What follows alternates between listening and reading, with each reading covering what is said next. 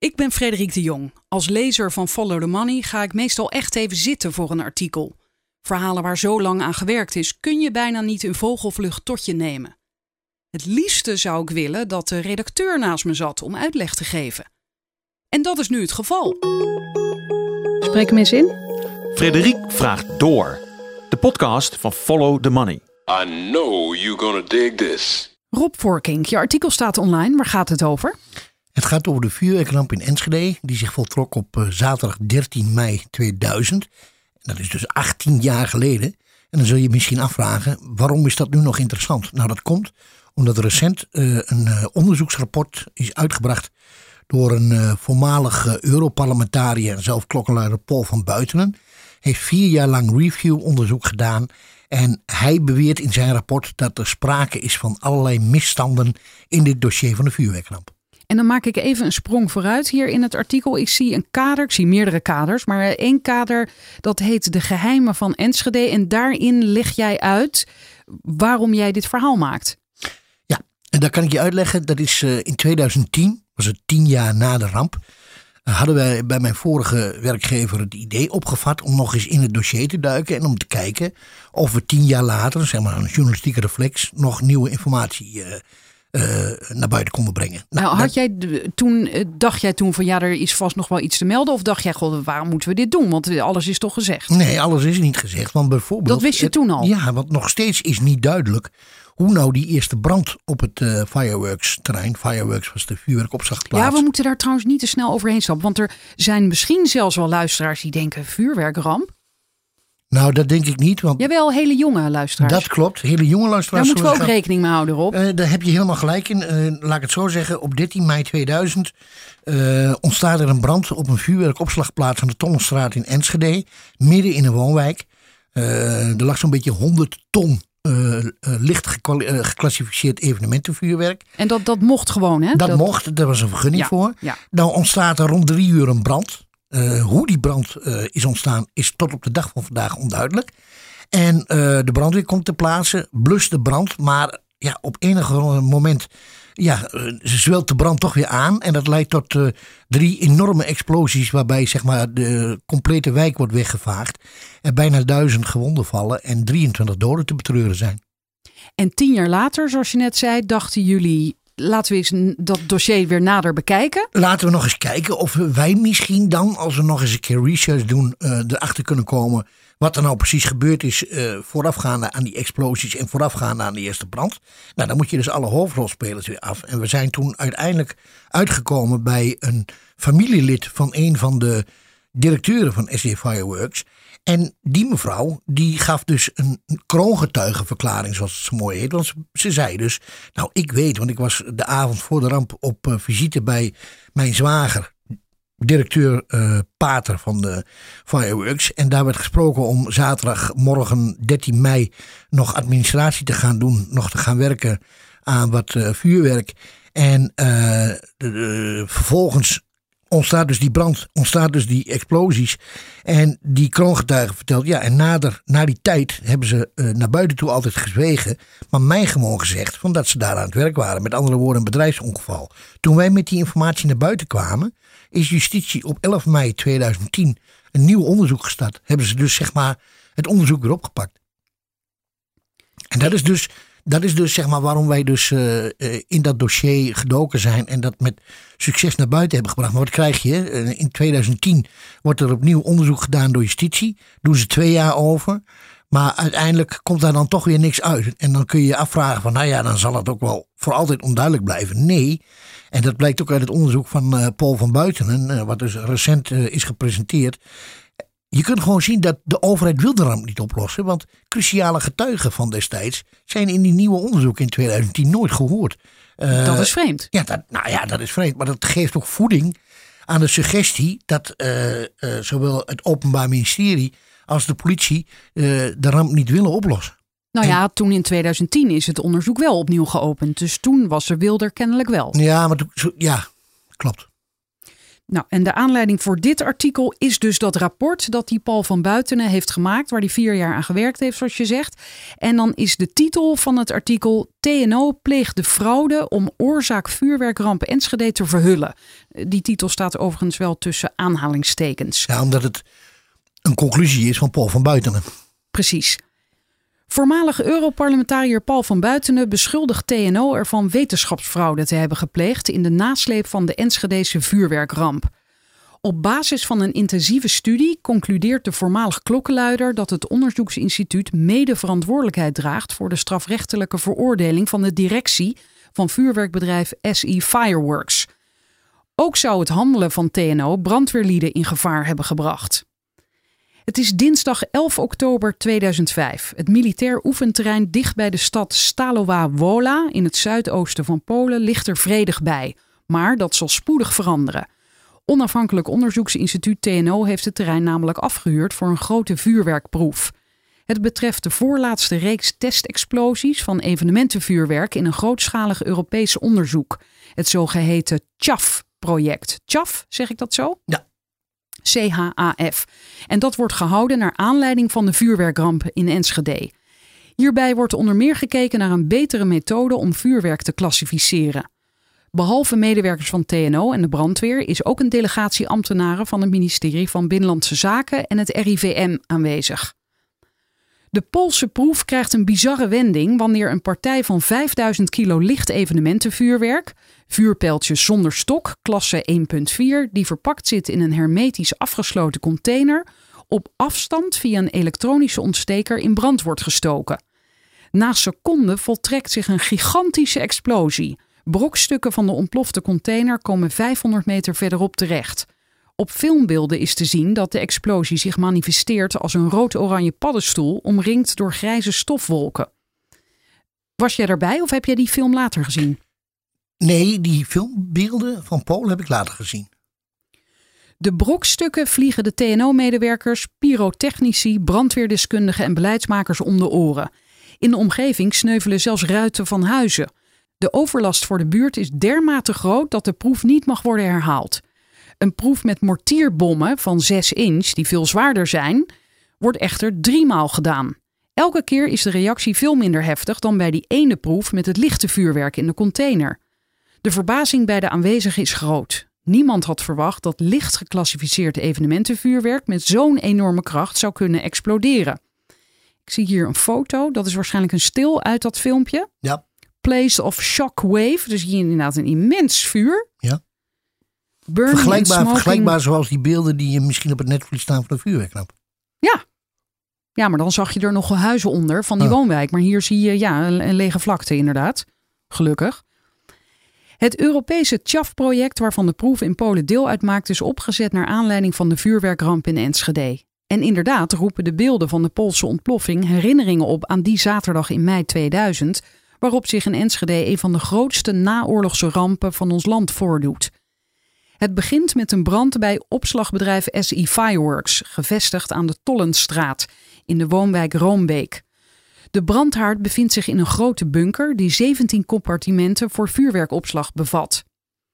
De Enschedese brandweer, met 22 man uitgerukt, blust de brand in een van de compartimenten van de bunker met water. Na 20 minuten lijkt het vuur onder controle, maar korte tijd later ontwikkelt zich boven een van de andere compartimenten een vuurtong. Daarna gaat het snel mis. Na enkele minuten volgen er met korte tussenpozen drie enorme explosies die de omgeving in een inferno veranderen.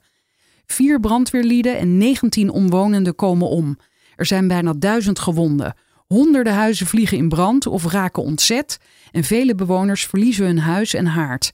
De financiële schade bedraagt in totaal 430 miljoen euro. De dag na de ramp begint het zogenoemde tolteam van de recherche, vernoemd naar de Tollenstraat, waar het bedrijf gevestigd is, te speuren naar informatie over de toedracht van de ramp en wie ervoor verantwoordelijk zijn. Heel Nederland leeft mee en het kabinet installeert een regeringscommissie onder leiding van oud-ombudsman Marten Oosting. Ja, daar staat een streep onder, daar zou ik op kunnen doorklikken. En waar kom ik dan terecht? Nou, dan kom je terecht eh, bij het onderzoek van eh, Oosting. Kijk, de, je moet het zo eh, voorstellen ehm, dat eh, die explosies die waren zo hevig dat ehm, tot op de dag van vandaag in Enschede is het nog steeds een open zenuw. Eh, iedereen weet waar die zeg maar toen was, net als bij de moord op Kennedy, waar was je? En iedereen heeft daar wel een bepaald gevoel bij, zeker in Enschede. En, Waar, en- waar was jij? nou, ik was eh, thuis in maar werd al vrij snel opgeroepen dat ik naar de redactie moest komen om bijstand te verlenen. Omdat het dus zo'n ja, dramatisch, eh, catastrofale vorm had aangenomen. En eh, in die eerste uren was er sprake van heel veel mensen die vermist waren. Eh, eh, En even je, de redactie van? de regionale omroep in, in Overijssel, RTV Oost. En ehm, wat je dan ziet is, je hebt dus heel veel mensen die vermist worden. Er is een enorme chaos, paniek. Het Eurovisie Songfestival werd zelfs onderbroken in Nederland. Omdat de situatie in Enschede dermate ernstig was. En ehm, eh, wat ik daarover wilde zeggen is dat die explosies, die staan dus op het netvlies. Maar er zijn heel veel mensen die zeggen tot op de dag van vandaag, van, dat kan niet alleen vuurwerk zijn geweest. En dat is het toch wel. Blijkt na onderzoek van natuurkundigen en scheikundigen. En zeker als je die beelden ziet van die container, die loods in Polen, wat je net beschreef. Ja, precies. Daaruit blijkt dus dat ook eh, vuurwerk dat als licht wordt beschouwd, eh, toch een enorme explosie kan Ja, geven. En Dus dat- hoe komt dat? Dat komt omdat dat vuurwerk, dat is totaal afgesloten van de buitenwereld. Dat is opgeslagen zeg maar in een container, hermetisch afgesloten. En eh, als je dan een scheikundige en natuurkundige berekening erop nahoudt, dan zie je dat die druk binnen die container bouwt zich zo verschrikkelijk hoog op. Dat als het ware met, met nou ja, enorme eh, kracht die eh, container tot ontploffing komt. Nou, en bij Fireworks stonden iets van 25 containers. En, eh, en, en, en die, en die bunkers ook helemaal hermetisch afgesloten. En dan kun je je voorstellen, ja, dat wil wel. dit was 5000 kilo, die proef in Polen. Maar bij Fireworks lag 100.000 kilo.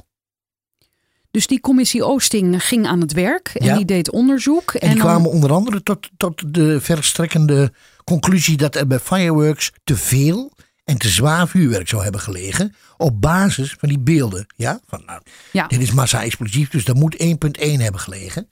Terwijl nu juist blijkt uit het onderzoek van Paul van Buitenen dat er alleen maar 1.4 vuurwerk heeft gelegen. Dus het licht, licht geclassificeerde eh, vuurwerk, zeg maar. En eh, dat alles met elkaar dus die gigantische explosie veroorzaakt heeft. En dan zou je denken, hé, hey, maar dat is in de, in, de, in, de, in de minds van de mensen gaan zitten van te veel en te zwaar vuurwerk. En vervolgens heeft het TNO, en dan komen we weer bij die beschuldiging, heeft zeg maar de commissie Oosting eh, voorgehouden van nou, dat lag te veel en te zwaar. We, hebben niet exact in kaart, eh, want alles is daar weg, wat er nou precies gelegen heeft. Maar volgens onze inschatting en aanname moet daar eh, wel eh 1.1 zwaar explosief vu- vuurwerk tussen hebben gelegen. De eigenaren van SI Fireworks, Rudy Bakker en Willy Pater, worden direct verantwoordelijk gehouden voor de catastrofe en zitten binnen een week achter de tralies. Ruim een half jaar later wordt Enschedeer André de Vries opgepakt op verdenking van brandstichting. In 2002 volgen de strafprocessen. De beide directeuren krijgen een celstraf van een half jaar voor overtreding van de milieuvergunning. Dus op basis van ook de gedachte of de aanname dat er zwaarder vuurwerk lag dan mocht. Juist. André de Vries wordt veroordeeld tot 15 jaar. De beelden van zijn veroordeling, gemaakt door RTV Oost, krijgen landelijke bekendheid doordat de Enschedeer tijdens het voorlezen van het vonnis opspringt en in alle toonaarden zijn schuld ontkent. In 2003 wordt de Vries in hoger beroep vrijgesproken. Mede door verklaringen van twee kritische rechercheurs van het tolteam, Jan Paalman en Charles de Roy van Zuidewijn. Hey, wacht even, dus die de Vries die was hoofdverdachte, die Ja. kreeg 15 jaar, die is daarna vrijgesproken. Dus, eh, want Ja, die had er helemaal niets mee te maken. Die Niks, is, die helemaal is, niet- niks. Die is, die, die is nooit op het trein geweest. Blijkt ook uit onderzoek van Paul van Buitenen. Maar ze hadden... Hoe kwam dan- hij dan in beeld als verdachte? Eh, voordat ik dat vertel hoe die in beeld kwam, moet ik je schetsen dat eh, het mocht geen bedrijfsongeval zijn. Want dan was er niets geleerd van een eerdere vuurwerkramp in Culemborg in 1991. Er is toen een rapport over gemaakt. waarin stond, Wacht, je gaat nu veel te snel. Oh, Wat zeg je nou? Nog een ramp? Ja, in 1991 is er een eh, vuurwerkopslagplaats in Culemborg eh, ontploft.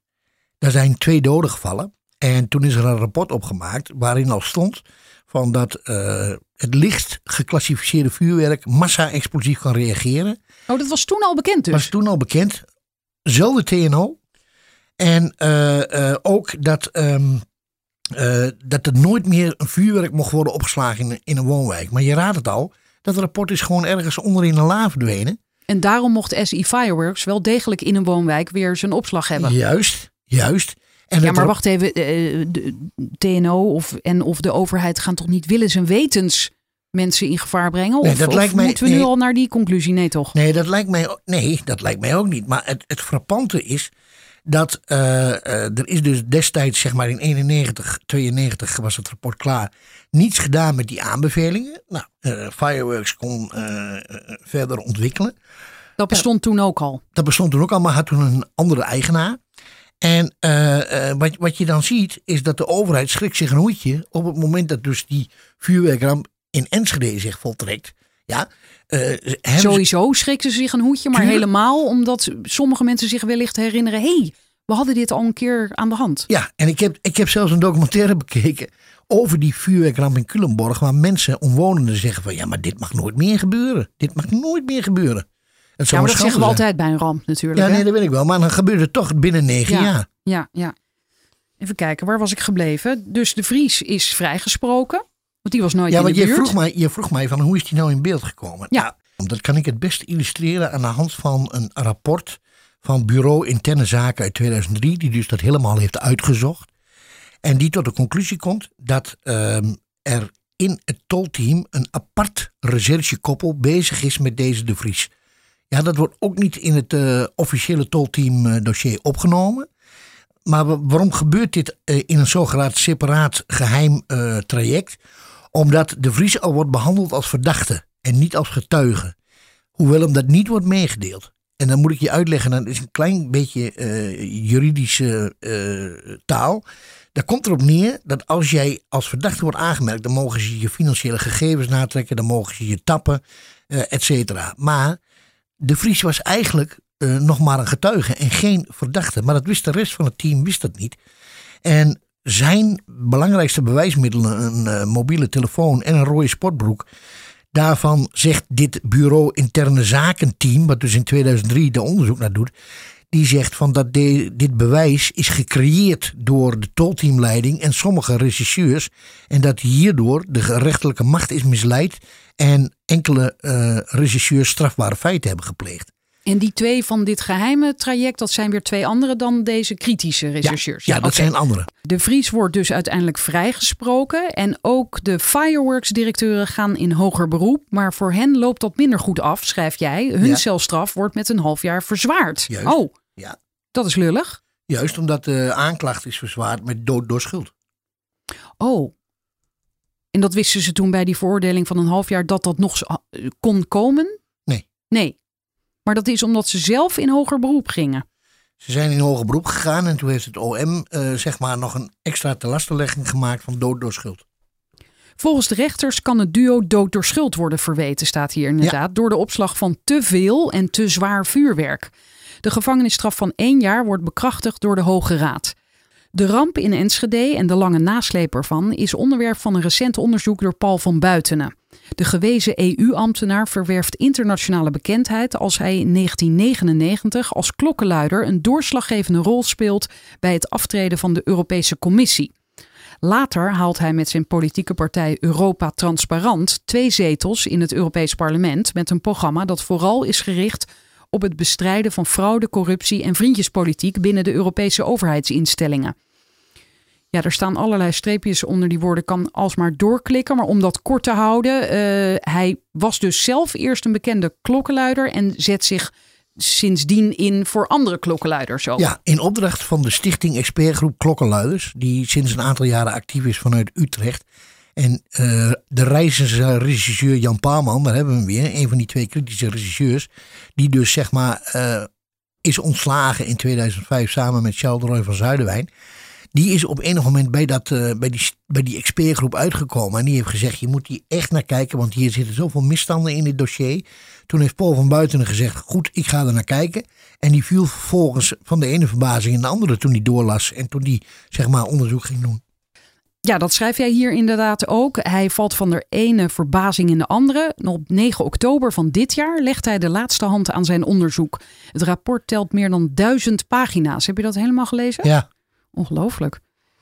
Is het goed geschreven? Het is, Jawel, Gelukkig. maar het is goed geschreven, maar het bevat dus een aantal onderdelen. De opstelling van het Openbaar Ministerie, de opstelling van eh, de politie, het eh, optreden van, eh, van de brandbestrijding, de brandweerleiding, de houding van de directie, het strafproces tegen de beide directeuren, het strafproces tegen André de Vries, de onderzoeken nadien van interne zaken, waar ik net een voorbeeld van gaf. En even voor de luisteraar, jij hebt nu geen lijstje voor je. Je doet het allemaal uit je Ja, hoofd. ja, ja, want in dat 2000 is In indrukwekkend. 2004 komt er dan een Rijksrechercheonderzoek overheen. En let op, dat Rijksrechercheonderzoek is tot op de dag van vandaag leidend voor de huidige korpsleiding. En wat blijkt uit dat rechercheonderzoek? Dat alles goed is gegaan en er geen fouten zijn gemaakt. En dat Hè? in één hoe- pennenstreep, in één pennenstreep is dat kritische interne onderzoek van Bureau Interne Zaken van tafel geveegd. Ik heb met de teamleider gesproken van het interne team. Die, eh, die is dus geëmigreerd uiteindelijk naar Zweden. En die zegt tegen mij van... eh, Waarom is heb- die geëmigreerd? nou, hij, kon het niet meer aan. nee, hij kon het niet meer aannemen, want hij zegt: Ik heb alle vertrouwen in de rechtsstaat in Nederland verloren. Doordat ik gezien heb dat mensen die oprecht op zoek zijn naar de waarheid. Gewoon bij het oud vuil worden gezet.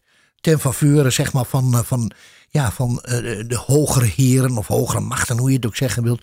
om eh, zeg maar schoon te blijven. En, en hoe, lastig is dat voor jou om, om eh, als journalist de- niet mee te gaan in... Ik, ik bedoel, ik snap de frustratie van die man, maar dit gaat dan weer bijna richting eh, complotten, hè? De hoge heren. Ja, dat, dat, dat klopt, daar heb je gelijk aan. En eh, dat, daar, daar moet ik ook eerlijk zeggen dat Erik en Anne, de hoofdredactie van eh, Follow the Money, daar bovenop zitten en zeggen van zorg er nou voor dat je niet te veel in een tunnel gaat. Omdat je dus zeg maar ja, als basismateriaal bijvoorbeeld het verhaal van Van Buiten hebt gebruikt.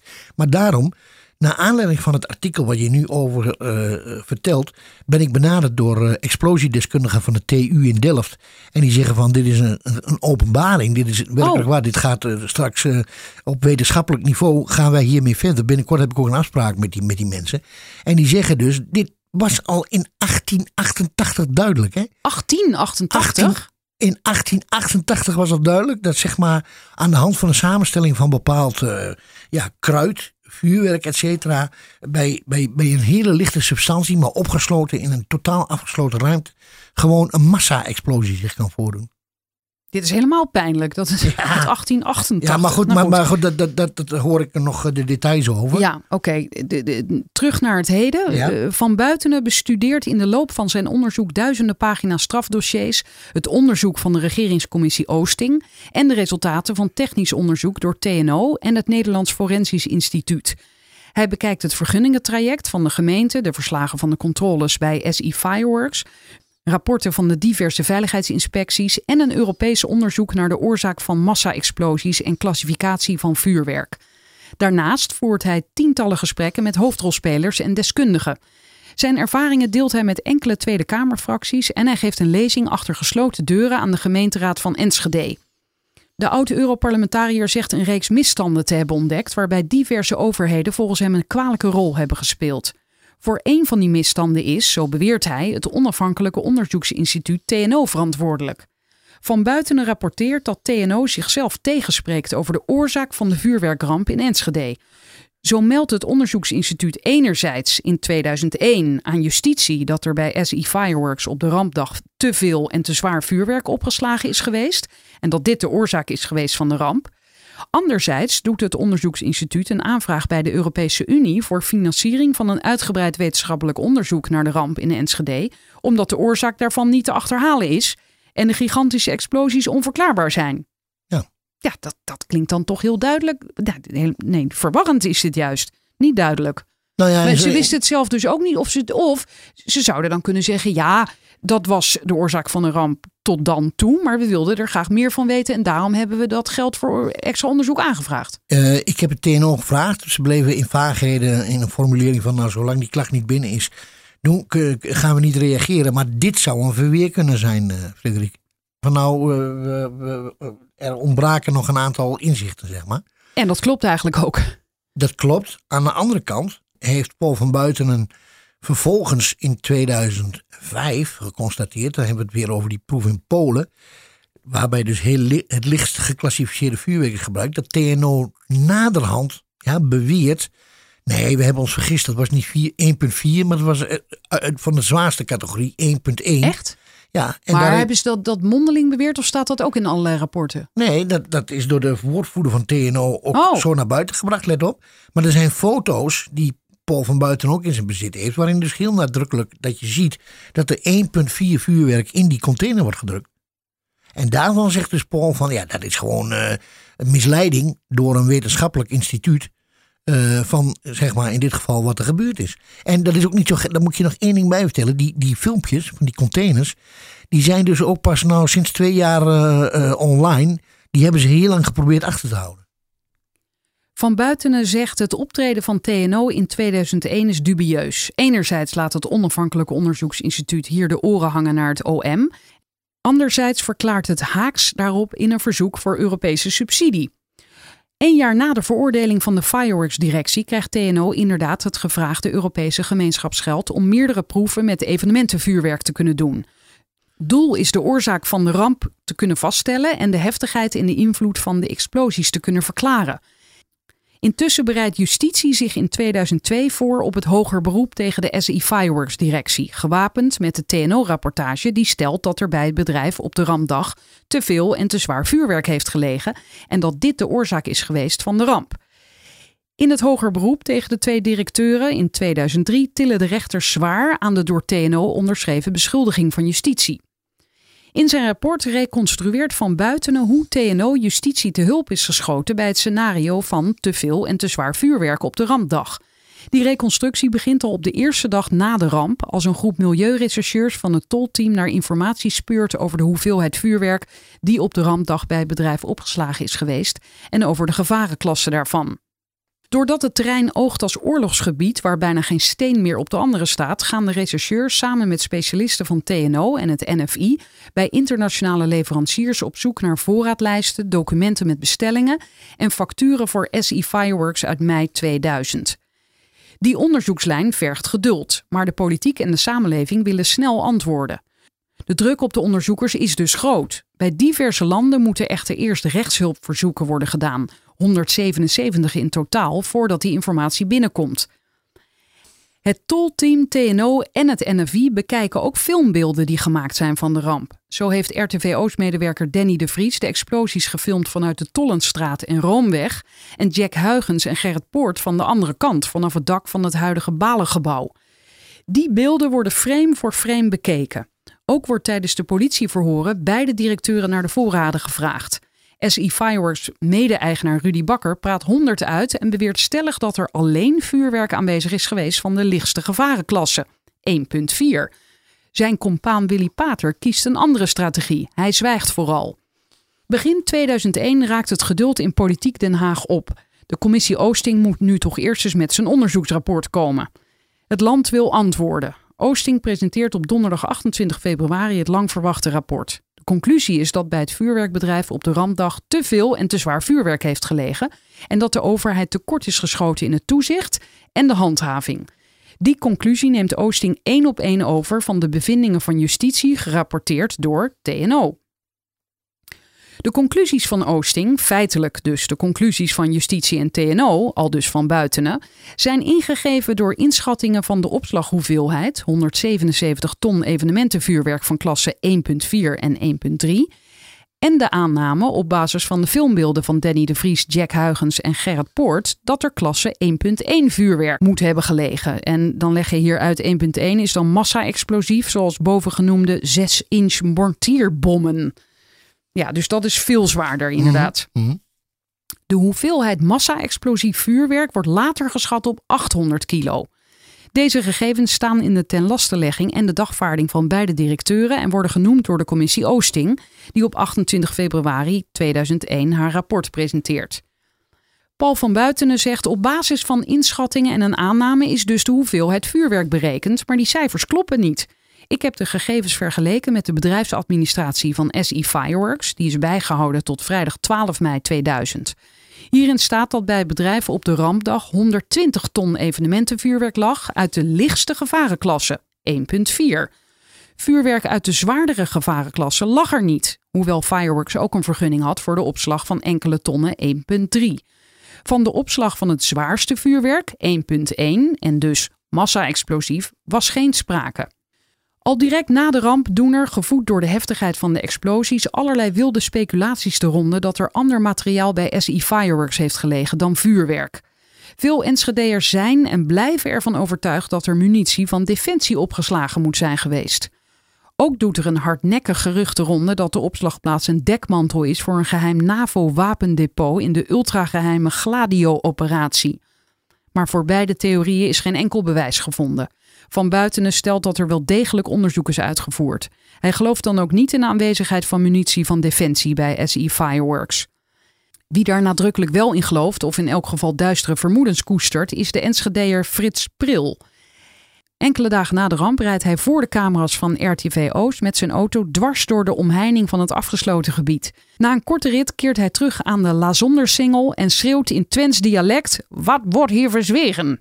Zeg ik dat goed? Kan je dat even. Wat wordt hier verzwingen? Ja, dat zeg ik. En vervolgens alles plat. Alles plat, ja. Ja, wat bedoelt hij daar dan mee? Alles plat? Nou, dat er niks- geen steen meer overeind staat. Oh! Ja, maar dat was wel duidelijk. Dus dat wordt niet verzwegen dat alles plat is. Nee, nee, nee, nee, klopt. Maar ik bedoel, Ja, ja. Die, die, die, die uitspraak van wat wordt hier verzwegen, ja, die krijgt natuurlijk na zoveel jaar wel enorme eh, klank eh, natuurlijk. Ja. Deze uitspraken echoen na 18 jaar nog na in dit dossier. Op internet circuleert nog steeds het relaas van Pril, die in een interview beweert zeker te zijn dat munitie op het trein heeft gelegen. Politie en justitie reageren daar niet op, maar lijken soms creatief met de waarheid om te gaan. Zo beweren beide instanties openlijk dat de bedrijfsadministratie van SE Fireworks bij de ramp in rook is opgegaan. Maar volgens Van Buitenen heeft justitie financiële boekhouding in beslag genomen bij de huisaccountant van het bedrijf, De Jong en Laan in Enschede. Ik heb van eigenaar Rudy Bakker een kopie gekregen en de cijfers verwerkt in het rapport, zegt Van Buitenen. Hij vermoedt dat de boekhouding buiten het strafdossier is gehouden omdat de werkelijke vuurwerkvoorraad bij Fireworks kleiner was dan justitie beweerde. Dat zou ontlastend zijn geweest voor beide directeuren in hun strafproces. In het strafrechtelijk onderzoek naar beide SI Fireworks-bazen ontbreekt behalve de actuele bedrijfsadministratie nog een document dat politie en justitie meer duidelijkheid had kunnen verschaffen over de oorzaak van de ramp. Een TNO-onderzoek naar een eerdere ramp in Nederland. Ja, daar is die ramp waar je het eerder over had, hè, in Culemborg. 14 februari 1991. Bij de opslagplaats van het bedrijf MS Vuurwerk. Waar twee doden vallen, de dochter en schoonzoon van de eigenaar van de onderneming. De oorzaak is een bedrijfsongeval. Het TNO Prins Maurits Laboratorium publiceert twee maanden later, in april 91, een rapport over deze ramp. De belangrijkste conclusie is dat licht geclassificeerd vuurwerk in grote hoeveelheden een onverwacht grote explosie kan veroorzaken, wat jij net ook vertelde. Ja. TNO schrijft letterlijk dat opsluiting van vuurwerk explosieversterkende effecten heeft. Ook doet het instituut aanbevelingen aan de vier betrokken ministeries om de veiligheid te verbeteren, maar daar wordt niks mee gedaan. Negen jaar later, na de ramp in Enschede, komt het Culemborg-rapport alsnog tevoorschijn. De regeringscommissie Oosting refereert tijdens haar presentatie op donderdag 28 februari in 2001 aan de vuurwerkramp in Culemborg, maar laat buiten beschouwing dat de opsluiting van het vuurwerk de kracht van explosies in Enschede kan hebben veroorzaakt. Met het Culemborg-rapport kan Oosting de heftigheid van de ramp in Enschede verklaren, maar laat dat na.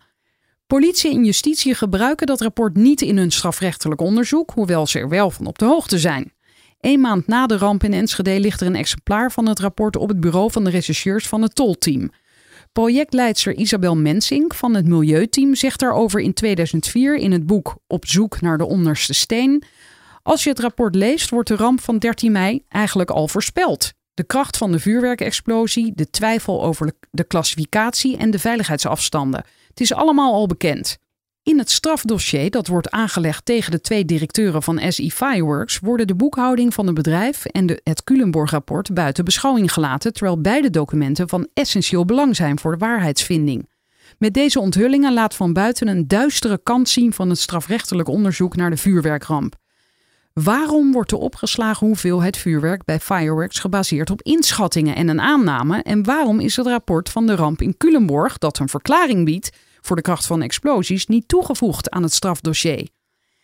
Leidinggevende Hans Kamperman van het tolteam belooft te zullen doorgaan met speurwerk wanneer exact drie jaar na de vuurwerkramp, op dinsdag 13 mei 2003, Enschedeer André de Vries in hoger beroep wordt vrijgesproken van brandstichting.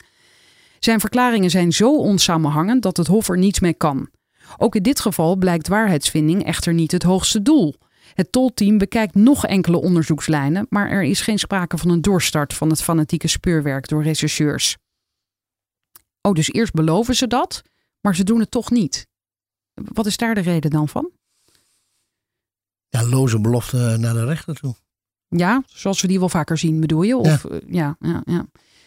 Het onderzoek naar de vuurwerkramp verschuift zodoende van het domein van politie en justitie naar het domein van de wetenschap.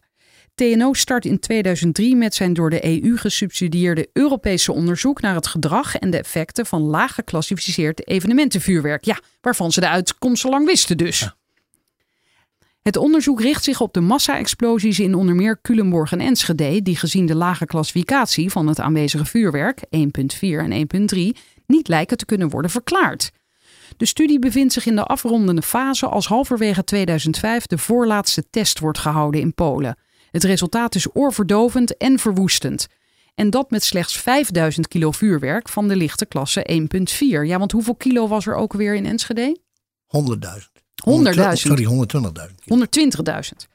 Terug in Nederland komen de deskundigen en de brandweer direct in actie. In een brief aan het ministerie van Binnenlandse Zaken eisen zij dat de blusregels in Nederland zo snel mogelijk worden aangescherpt. In Nederland mag brandend vuurwerk van de lichtste gevarenklasse 1.4 namelijk met water worden geblust. Meerdere brandweercommandanten uiten links en rechts hun zorgen over de veiligheid van hun manschappen. De ervaren brandweerofficier Rijn Huls beschrijft de dreigende crisis tussen de veiligheidsregio's en het ministerie van Binnenlandse Zaken een aantal jaren later in zijn scriptie een andere kijk op vuurwerk die hij maakt voor de leergang Master of Crisis and Disaster Development. De beroepsgroep komt lijnrecht tegenover de beleidsmakers van het verantwoordelijke ministerie van Binnenlandse Zaken te staan, waardoor een crisis op handen is. Achter de schermen is er, buiten het zicht van pers en publiek, voortdurend overleg. Halverwege november 2005, één maand na de omstreden test, zitten brandweereenheden, deskundigen en ambtenaren van het ministerie bij elkaar om de kwestie te bespreken. Tot een crisis komt het niet, maar de blusregels worden ook niet aangescherpt. Verantwoordelijk minister Johan Remke schrijft na de bijeenkomst een officiële circulaire aan gemeenten en brandweerkorpsen waarin hij volhoudt dat het lichtste evenementenvuurwerk 1.4, ja zelfs de luisteraar kan dit nu hardop zeggen. Ehm, quizvraag, wat is de lichtste categorie? 1.4 dat dat gewoon met water kan worden geblust. De grote vraag is uiteraard waarom de beroepsgroep accepteert dat de blusinstructies niet worden aangescherpt. Volgens Van Buitenen speelt onderzoeksinstituut TNO bij het beantwoorden van die vraag wederom een voorname en dubieuze rol, net zoals in 2001. In zijn brief weet Remkes de onrust en de crisis te beteugelen door te melden dat in de Poolse container wel degelijk vuurwerk heeft gezeten uit de zwaardere gevarenklasse 1.1 massa-explosief en dus niet een partij licht geclassificeerd vuurwerk. TNO komt in maart 2006 met een verklaring die in diverse media verschijnt. Woordvoerder Maarten Lutzer Ooggetuigen van de proef hebben van tevoren te horen gekregen dat het evenementenvuurwerk is geclassificeerd als 1.4, maar dit klopt niet, want er lag wel degelijk massa-explosief vuurwerk. De rust keert terug en iedereen gaat over tot de orde van de dag. En dan komen we bij een ander kader. Blusprotocol vuurwerk brandweer Nederland. Oh, je hebt even het hele protocol gepubliceerd. Ja. Uit die scriptie. Aha. Oké, nou dit zal ik niet voorlezen. Dat zijn allerlei Nee, getallen. dan gaat het gewoon om eh, 1.1 tot en met 1.4 vuurwerk. En wat zeg maar de consequenties zijn als eh, dat vuurwerk in de brand zou, eh, zou gaan. Ruim twaalf jaar na de verklaring van de TNO-woordvoerder krijgt Van Buitenen na de presentatie van zijn voorlopige onderzoeksresultaten aan een delegatie Tweede Kamerleden de tip om de rol van TNO in de vuurwerkramp na te trekken. Dat doet hij. Hij reconstrueert de gang van zaken in Polen, spreekt met ooggetuigen en krijgt fotomateriaal toegespeeld. Het onderzoeksresultaat voegt Van Buitenen in september dit jaar toe aan zijn meer dan duizend pagina's stellende onderzoek. Hij trekt een keiharde conclusie. TNO heeft met de uitleg van herklassificatie van 1.4 naar 1.1 wetenschapsfraude gepleegd. De Brabander bereidt een aangifte voor tegen het instituut. In zijn rapport staat fotomateriaal dat volgens hem bewijst dat er in de container in Polen geen massa-explosief vuurwerk van gevarenklasse 1.1 zat, maar de lichtere klasse. TNO zou de toedracht van de enorme explosie willens en wetens hebben verdraaid om de overheid buiten schot te houden. Zo, dit is dus de harde beschuldiging. Ja. En dat roept de vraag op waarom een onafhankelijk instituut als TNO in 2001 de oren zou laten hangen naar het OM en in 2005 zou sjoemelen met de etikettering. Van buiten redeneert dat TNO justitie in 2001 te hulp schiet, zodat het OM, met de beschuldiging van de opslag van te veel en te zwaar vuurwerk, een stevige aanklacht kan formuleren tegen SI Fireworks-directeuren Bakker en Pater. Als de tenlastelegging beperkt was gebleven tot de overtreding van de milieuvergunning, zou dat volgens Van Buitenen geen recht hebben gedaan aan de geschokte rechtsorde. Ja, dat zie je natuurlijk wel vaker. Hè? Als er rampen gebeuren, de mens in, in het algemeen wil, wil zo graag een verklaring en een schuldige. Ja, ja klopt. Dat is een mechanisme dat waarschijnlijk ook in werking is getreden. Absoluut, absoluut. Dat heeft een rol gespeeld. Want je moet, je moet het zo zien dat uh, ja, vrijwel iedereen was zo, in, uh, zo geschokt. Van hoe, is dit, hoe is dit mogelijk in vredesnaam dat er in een, vuur, een, eh, een woonwijk zoveel uh, leed kan worden aangericht door, door de opslag van vuurwerk. Maar uh, daarmee gaat de bevolking wel voorbij aan het feit dat de gemeente, weinig kennis van, uh, van vuurwerk, dat die gewoon conform uh, de vergunning, was daar de opslag geregeld bij fireworks. En de provincie en het Rijk keken toe en deden niets. Volgens de onderzoeker wilde TNO voor de herklassificatie van het ontplofte vuurwerk in Polen de onrust bij de brandweer beteugelen en de dreigende crisis bezweren. Het gevolg volgens Van Buitenen is licht geclassificeerd vuurwerk 1.4 mag nog altijd met water worden geblust. Buitengewoon gevaarlijk voor brandweerlieden. Dat heeft Enschede wel geleerd. De beschuldigingen van malversaties en fraude door TNO zijn zeer ernstig, als ze waar zijn. Maar of dat zo is, moet eerst goed worden uitgezocht. Dat zegt Lex Bouter, hoogleraar methodologie en integriteit aan de Vrije Universiteit van Amsterdam. Hij heeft op verzoek van Follow the Money naar de beschuldigingen van wetenschapsfraude gekeken. In een reactie per mail stelt hij: Het zijn nogal stevige beschuldigingen en ik kan op deze korte termijn geen inschatting maken hoe plausibel ze zijn. Bovendien gaat dit veel verder dan een aantijging van een schending van de wetenschappelijke integriteit door TNO-onderzoekers. TNO zelf is in de gelegenheid gesteld inhoudelijk te reageren op de beschuldigingen van Paul van Buitenen. En via de woordvoerder volgt een formele toelichting. We hebben nog niets gehoord van de beschuldigingen en aangifte. Als de beschuldigingen tot een klacht leiden die bij TNO wordt ingediend, zullen wij daar zorgvuldig op reageren volgens de daarvoor geldende procedures. Daarop nu via de media te reageren of vooruitlopen is geen onderdeel daarvan. Even kijken, uh, als die tot een klacht leiden, die klacht is er nu toch ook of niet? Ja, we zijn inmiddels een stukje verder in de tijd. Hè? Ja, dat is waar. Oké. Paul van Buitenen informeert dit voorjaar Tweede Kamerleden onder wie Ronald van Raak van de SP over de gevaren van het blussen van als licht geclassificeerd vuurwerk met water. Volgens de Brabander hebben de vuurwerkramp in Culemborg, de vuurwerkramp in Enschede en de vuurwerkramp in het Deense Kolding in 2004 en die Poolse vuurwerkproef uit 2005 aangetoond dat niet de klassificatie, maar de manier van opslag van evenementen vuurwerk cruciaal is voor de heftigheid van de reactie bij brand. De SP-parlementariër eist opheldering van de verantwoordelijk minister Ferdinand Grapperhaus van Veiligheid en Justitie. Hij antwoordt op Kamervragen over blusinstructies op 6 juni van dit jaar. Eenmaal brandend vuurwerk kan inderdaad niet meer worden geblust met water, zelfs niet bij onderdompeling. Wacht even, dus wat is dat? Zelfs niet bij onderdompeling? Als het onder water. Uh... Dus zelfs al zou je het helemaal onder water zetten, ja. Dan nog uh, werkt het niet. Ja. Oké. Okay. Maar dat is dus een nieuwe mening van de overheid. Ja. Na 18 jaar. Ja. Ja, beter laat dan nooit misschien. Ja, klopt. klopt. Ja, je kijkt me nu met grote ogen aan. Wat moet ik hiervan vinden? Nou, uh, Kijk, je bent uh, bijna op het einde van het, van het artikel. Ja. ja op basis van dit artikel, ja, dat was eigenlijk de druppel, maar ook het onderzoek van Van Buitenen, heeft de Tweede Kamer begin november besloten dat Van Buitenen begin december zijn verhaal mag doen in een besloten zitting. En als de Kamer ja, zijn goedkeuring geeft, dan gaan ze een parlementair onderzoek doen. En dat is iets waar de Rijzerse ex-regisseur Jan Paalman altijd voor gestreden heeft. Om aannemelijk te kunnen maken, want dat is, je moet, bedoel, 100% bewijs heb je niet. Maar dat is om aannemelijk te kunnen maken dat er binnen het onderzoek naar de vuurwerkramp uh, ja, sprake is geweest van veel misstanden. En met als een van de belangrijkste, kijk, je kunt niet bewijzen dat het daadwerkelijk een bedrijfsongeval is geweest. Maar het is vele malen aannemelijker dat sprake is geweest van een bedrijfsongeval dan van een brandstichting. Maar ja, het keiharde bewijs ontbreekt. Want als ik tegen jou zeg, er ligt sneeuw uh, op straat en je wordt morgens wakker, heeft het dan gesneeuwd?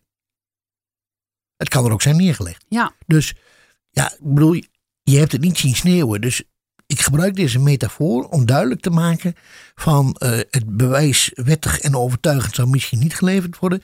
Maar uh, dat sprake is geweest van een bedrijfsongeval. Die kans is vele malen groter. Er zijn ook veel meer aanwijzingen voor dan brandstichting. En dan praat ik maar over één misstand. Er zijn er veel meer. En wat zou dat betekenen voor de directeuren van SE Fireworks die al gezeten hebben? Het zou veel kunnen betekenen. Het is in elk geval zo dat op basis van het rapport van Van Buitenen, uh, mededirecteur Rudy Bakker besloten heeft om weer naar de Hoge Raad te stappen. Uh, om uh, de zaak weer opnieuw voor te brengen aan de hand van een herziening. En je kunt alleen maar een herziening aanvragen als je dus nieuwe feiten aan het licht kan brengen. Nou, volgens Bakker is er sprake van nieuwe feiten aan de hand van het rapport van Paul van Buitenen. En wat hoopt hij daarmee te bereiken? Uh, dat hij uh, uiteindelijk, dat die straf uh, die hij gehad heeft, dat dat zeg maar wordt weggestreept. En dat duidelijk wordt dat, dat hij hem niet de schuld in de schoenen kan worden geworpen als zeg maar dat zijn bedrijf verantwoordelijk is voor de vuurwerkramp. Tot slot schrijf je dan het vier jaar durende onderzoek van Paul van Buitenen kan een beslissende aanzet zijn tot herschrijving van de historie van de Enschedese vuurwerkramp. Officieel wordt nog altijd beweerd dat die het gevolg was van de opslag van te veel en te zwaar vuurwerk. Het onderzoek van Van Buitenen laat zien dat hierover nu op zijn minst gereden twijfels zijn. Voor directeur Rudy Bakker van SE Fireworks is het rapport aanleiding om opnieuw naar de Hoge Raad te stappen voor herziening. Ja, dat zeg jij net. En er staat ook onder: Follow the Money publiceert binnenkort meer artikelen in dit dossier.